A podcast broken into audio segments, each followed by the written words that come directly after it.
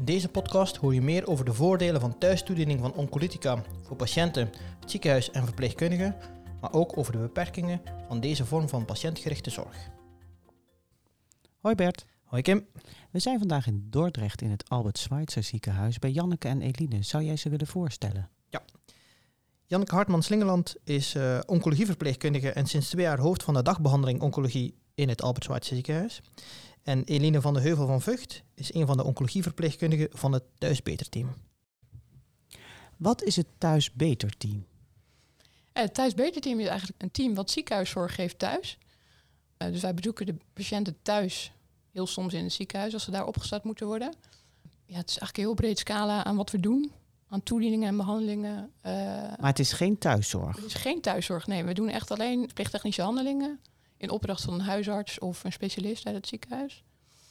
Ja, het is heel breed. Dus uh, van, van antibiotica en langdurig uh, intraveneus tot morfine in de palliatieve fase.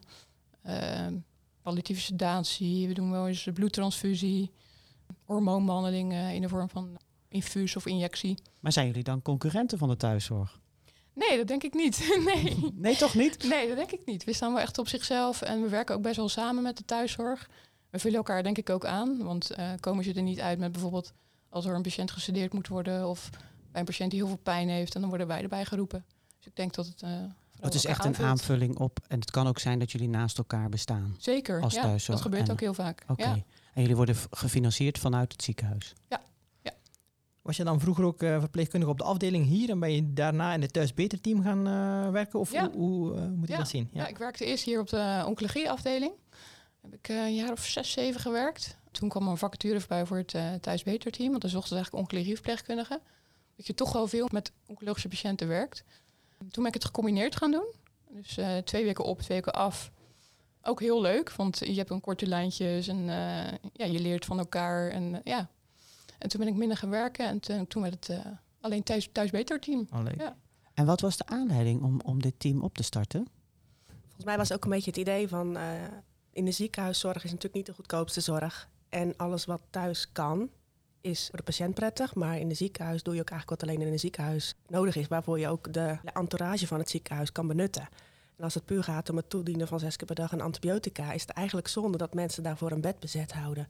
Volgens mij bestaat het al 25 jaar, het uh, Thuisbeter. Toen ooit het Transmeraal team, inmiddels Thuisbeter team.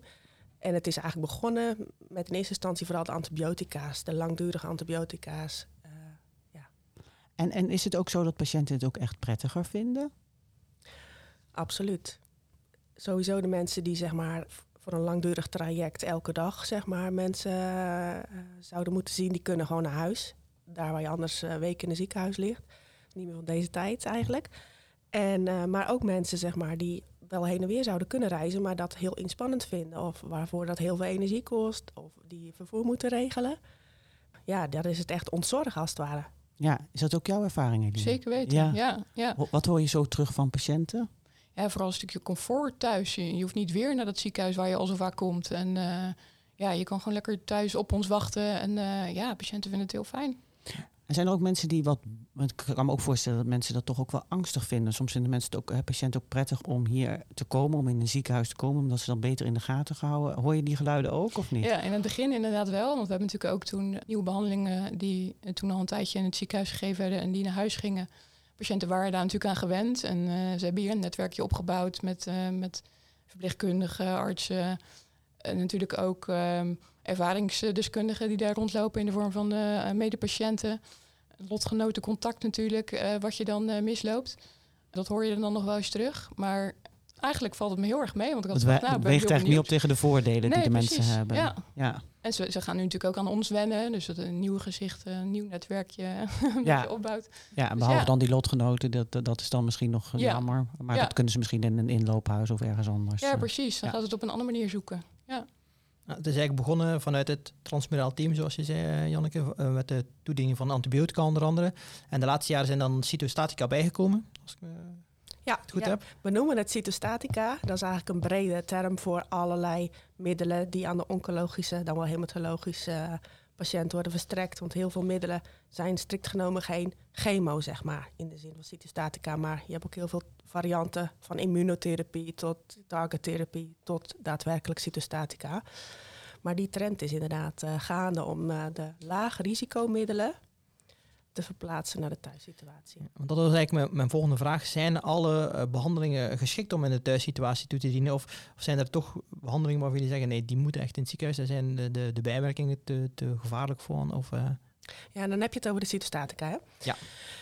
Het is zeker niet voor alle middelen geschikt. En dat heeft niet alleen te maken met het risico, want er zijn zeker ook heel veel middelen waar mensen allergisch op kunnen reageren. Vaak zie je dat dat soort reacties na verloop van tijd niet meer optreedt, maar toch. Maar er zijn ook heel veel behandelingen die bestaan uit meerdere componenten. Dus waarbij je dan steeds, uh, nou, er loopt iets een uur, even spoelen, dan weer een half uur, even spoelen, dan een kwartier, even spoelen. En al met al zijn mensen dan bijvoorbeeld 2,5 uur of drie uur bezig. Ja, hoe ga je dat in de thuissituatie dan doen? De ouderwetse airjobs. Uh, bijvoorbeeld, ja. bijvoorbeeld. Dus dat maakt het ingewikkeld. Dus je bent op zoek naar middelen die een korte toediensttijd hebben of die je in een apparaatje kan stoppen. Maar dan gaat het weer om een monotherapie. Dus je bent op zoek naar, naar ja, laag risico monotherapie behandelingen die je ofwel middels een kortdurende in, ja, infusie of een injectie kan toedienen of mee kan geven in een cassette bijvoorbeeld. Nou, we hebben eigenlijk we hebben geëvalueerd en je zit eigenlijk een beetje met de uitdaging om het zeg maar, zo effectief mogelijk in te richten. Je wil aan de ene kant capaciteit winnen in de, op de dagbehandeling, omdat ja, dat is denk ik een veel voorkomend probleem. Er is veel mogelijk qua behandelingen, dus de stoeltjes zijn vaak bezet. Dus je wil ruimte creëren, dus je wil behandelingen verplaatsen.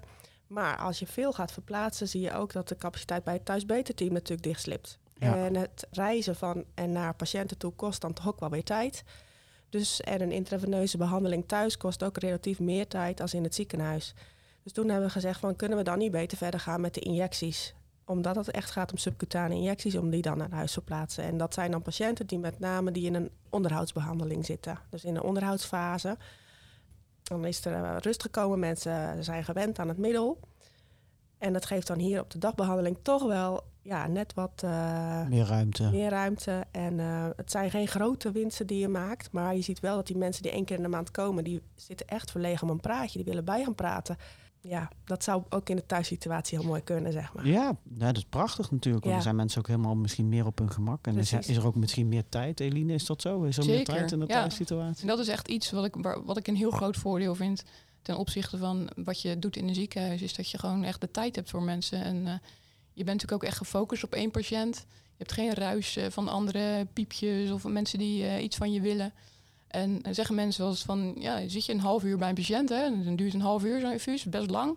Maar eigenlijk is dat niet zo, want ja, je kan echt eens even alle aspecten van het ziek zijn bespreken en Prachtig, ja. een goede gesprekken voeren. Natuurlijk ook echt in een veilige omgeving waar dat kan. En, een partner is er misschien bij. Ja, Maakt ja. natuurlijk ook uit. Ja. Ik vind dat echt heel waardevol. Ja. Mooi.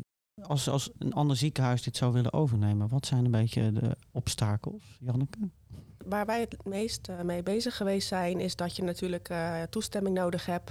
En die toestemming wordt verleend op basis dat je inzicht kan geven van joh, wat gaat er nou daadwerkelijk, wat gaat de impact zijn op basis van patiëntenaantallen, maar ook om te kunnen zien van wat is de financiële impact. En dan ga je natuurlijk toch een berekening maken. Wat kost het in het ziekenhuis en wat kost het thuis? En dat pakt eigenlijk nooit gunstig uit. Oké. Okay. Dus uh, als je dan kan laten zien van goh, daarmee als we de verplaatsing wel doen, dan voorkomen we dat er bedden gereserveerd worden in de kliniek, bijvoorbeeld. Ja. Dat zijn veel duurdere bedden. Dan heb je bijvoorbeeld een punt, maar dat moet je wel kunnen bewijzen door middel van cijfers. Ja. Je kan ook zeggen van de complexe zorg houden we in het ziekenhuis, de laagcomplexe zorg naar huis. Dat past bij landelijk. Het, het ISA staat daarvoor. Uh, de strategie van menig ziekenhuis draagt dat uit. Dus daarmee maak je wel de juiste beweging. Maar het blijft een ontzettende uitdaging om argumenten te vinden om de business case enigszins break-even te maken. Zeg. Ja, ja, want dan moet je dan bij een raad van bestuur, denk ik. Uh, ja, nou ja, je, wij hebben een business case gemaakt en die hebben met de stuurgroep Oncologische Zorg voorbereid. En dan gaat hij naar het uh, managementteam en inderdaad de goedkeuring naar de raad van bestuur. En dan gaat het over centjes. Ook. Ja. Niet alleen. Niet alleen. Okay. Ja, ja, wij hebben ook echt gezegd, je moet visie hebben om toekomstbestendige zorg in te gaan richten. En daar maakt de zorg thuis toedienen absoluut een onderdeel van uit. Maar alles verplaatsen naar huis en dan echt op grote schaal aantallen opschalen. Ja, dan kom je kostentechnisch echt niet meer uit. En dat is dan op een gegeven moment ook niet meer verantwoord. We zeggen in het ziekenhuis als het moet, thuis als het kan. Ja, de kosten gaan natuurlijk wel meespelen in de, of het kan. Ja. We hebben wel een beetje geschetst voor in de toekomst van we gaan ook de beweging maken dat we de patiënt meer zelfredzaam maken. En dat betekent dat de patiënt misschien dan ook kan kijken wat kan ik zelf? Kan ik zelf misschien die toediening zetten? Ja. En dan, als je dan eerst de tussenstap maakt van de verpleegkundige komt thuis. En dan in een volgende fase kun je misschien gaan kijken van in hoeverre kunnen we de patiënt zelf zo uh, instrueren dat hij het ziet zitten om het zelf te doen. Nou heb ik wel eens begrepen dat uh, dit voor verzekeraars wel een lastig punt is. Uh, klopt dat? Nou, de, de verzekeraar zal dat misschien nog niet zo'n groot probleem vinden. Alleen de ziekenhuizen vinden dat best wel lastig. Want je krijgt voor de toediening, voor die verstrekking zeg maar... het feit dat jij als verpleegkundige dat toe gaat dienen, krijg je een vergoeding voor. En dat is natuurlijk een inkomst. En als de patiënt het zelf gaat doen, dan ja, loop je die inkomst mist. En je levert wel het dure medicijn. Dus dan zal er ergens natuurlijk, ja, je, wil die beweging graag op gang brengen. Maar als het dan eigenlijk ongunstig is voor het ziekenhuis zelf, ja, dan heb je niet de juiste prikkel om dat in gang te zetten. Ja. Dus we hadden nu zoiets misschien kunnen we dan beginnen met middelen waar niet die verstrekkingscode aan zit. Dus dat je iets breder kijkt in de scope van wat het thuisbeterteam bedient aan patiënten. Er zitten ook middelen bij die worden verstrekt uh, waar dan niet zo'n extra vergoeding bovenop ligt. Dan zou je misschien daarna kunnen kijken. Oké, dus het is de hele tijd ook allemaal afwegingen maken als Ja. ik jou zo hoor. En echt ook wel kijken van, eh, nou ja, de uitdaging is natuurlijk van de bestaande capaciteit en de bestaande middelen. Hoe kun je daar binnen nog meer mensen gaan helpen? Want dat is natuurlijk ja, wat erachter ligt. En dan ook, ja, met dit soort kleine verschuivingen kan je toch nog net het verschil maken. Ja, je zei al, het gaat met name om ehm, middelen die eh, een laag risico op bijwerking hebben of die, waar de patiënt al aan gewend is. Eh, Eline, komt het toch nog eens voor dat er bijvoorbeeld een allergische reactie is of dat er bijwerkingen zijn in de thuissituatie waarvan je denkt van nou, dan moeten we heel snel toch meer naar het ziekenhuis of, of komt dat eigenlijk nooit voor? eigenlijk. Nee, nauwelijks. Het is wel eens dat je bij een patiënt komt die dan eigenlijk niet fit genoeg is om de behandeling te ondergaan. Dus dan ga je wel overleggen van ja, is het slim om dit nu te geven? Maar eigenlijk eh, gedurende het middel eh, gebeurt het nauwelijks dat er bijwerkingen optreden. Nee. Want eh, gebeurt het ook wel eens dat je eerst de bloeduitslag moet afwachten voordat je met een bepaalde chemo kan, eh, kan starten? Ja, ja, dat wordt dan allemaal achter de schermen geregeld. Dus mijn patiënten komen eerst op de poli, eh, hebben bloed geprikt. En Ja. eh, dan wordt het middel bereid en gaan wij eh, ermee aan de slag. Maar we, we kiezen dus bewust eigenlijk voor de eh, middelen waarbij we niet continu de patiënt op de poli hoeven te laten komen. Want ja, dan ben je alsnog die patiënt laat je dan alsnog reizen. En dat is het voordeel weer van de immunotherapie. Dat is vaak, dat kan voor een langere periode vooruit vrijgegeven worden. En dan is niet continu labafhankelijk.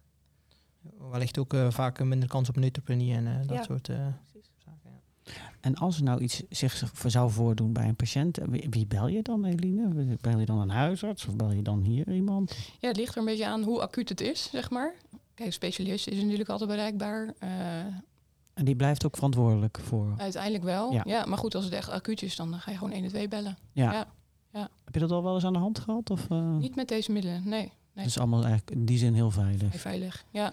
En werken de meeste verpleegkundigen zoals jij, eh, dat je alleen maar bij het, eh het beterteam of eh thuis beterteam, of, of zijn er veel mensen die ook 50-50 eh, werken? Nee, op dit moment eigenlijk voornamelijk collega's die alleen maar voor het thuisbeterteam werken. We hebben één collega die ook verpleegkundige opnamecoördinator is.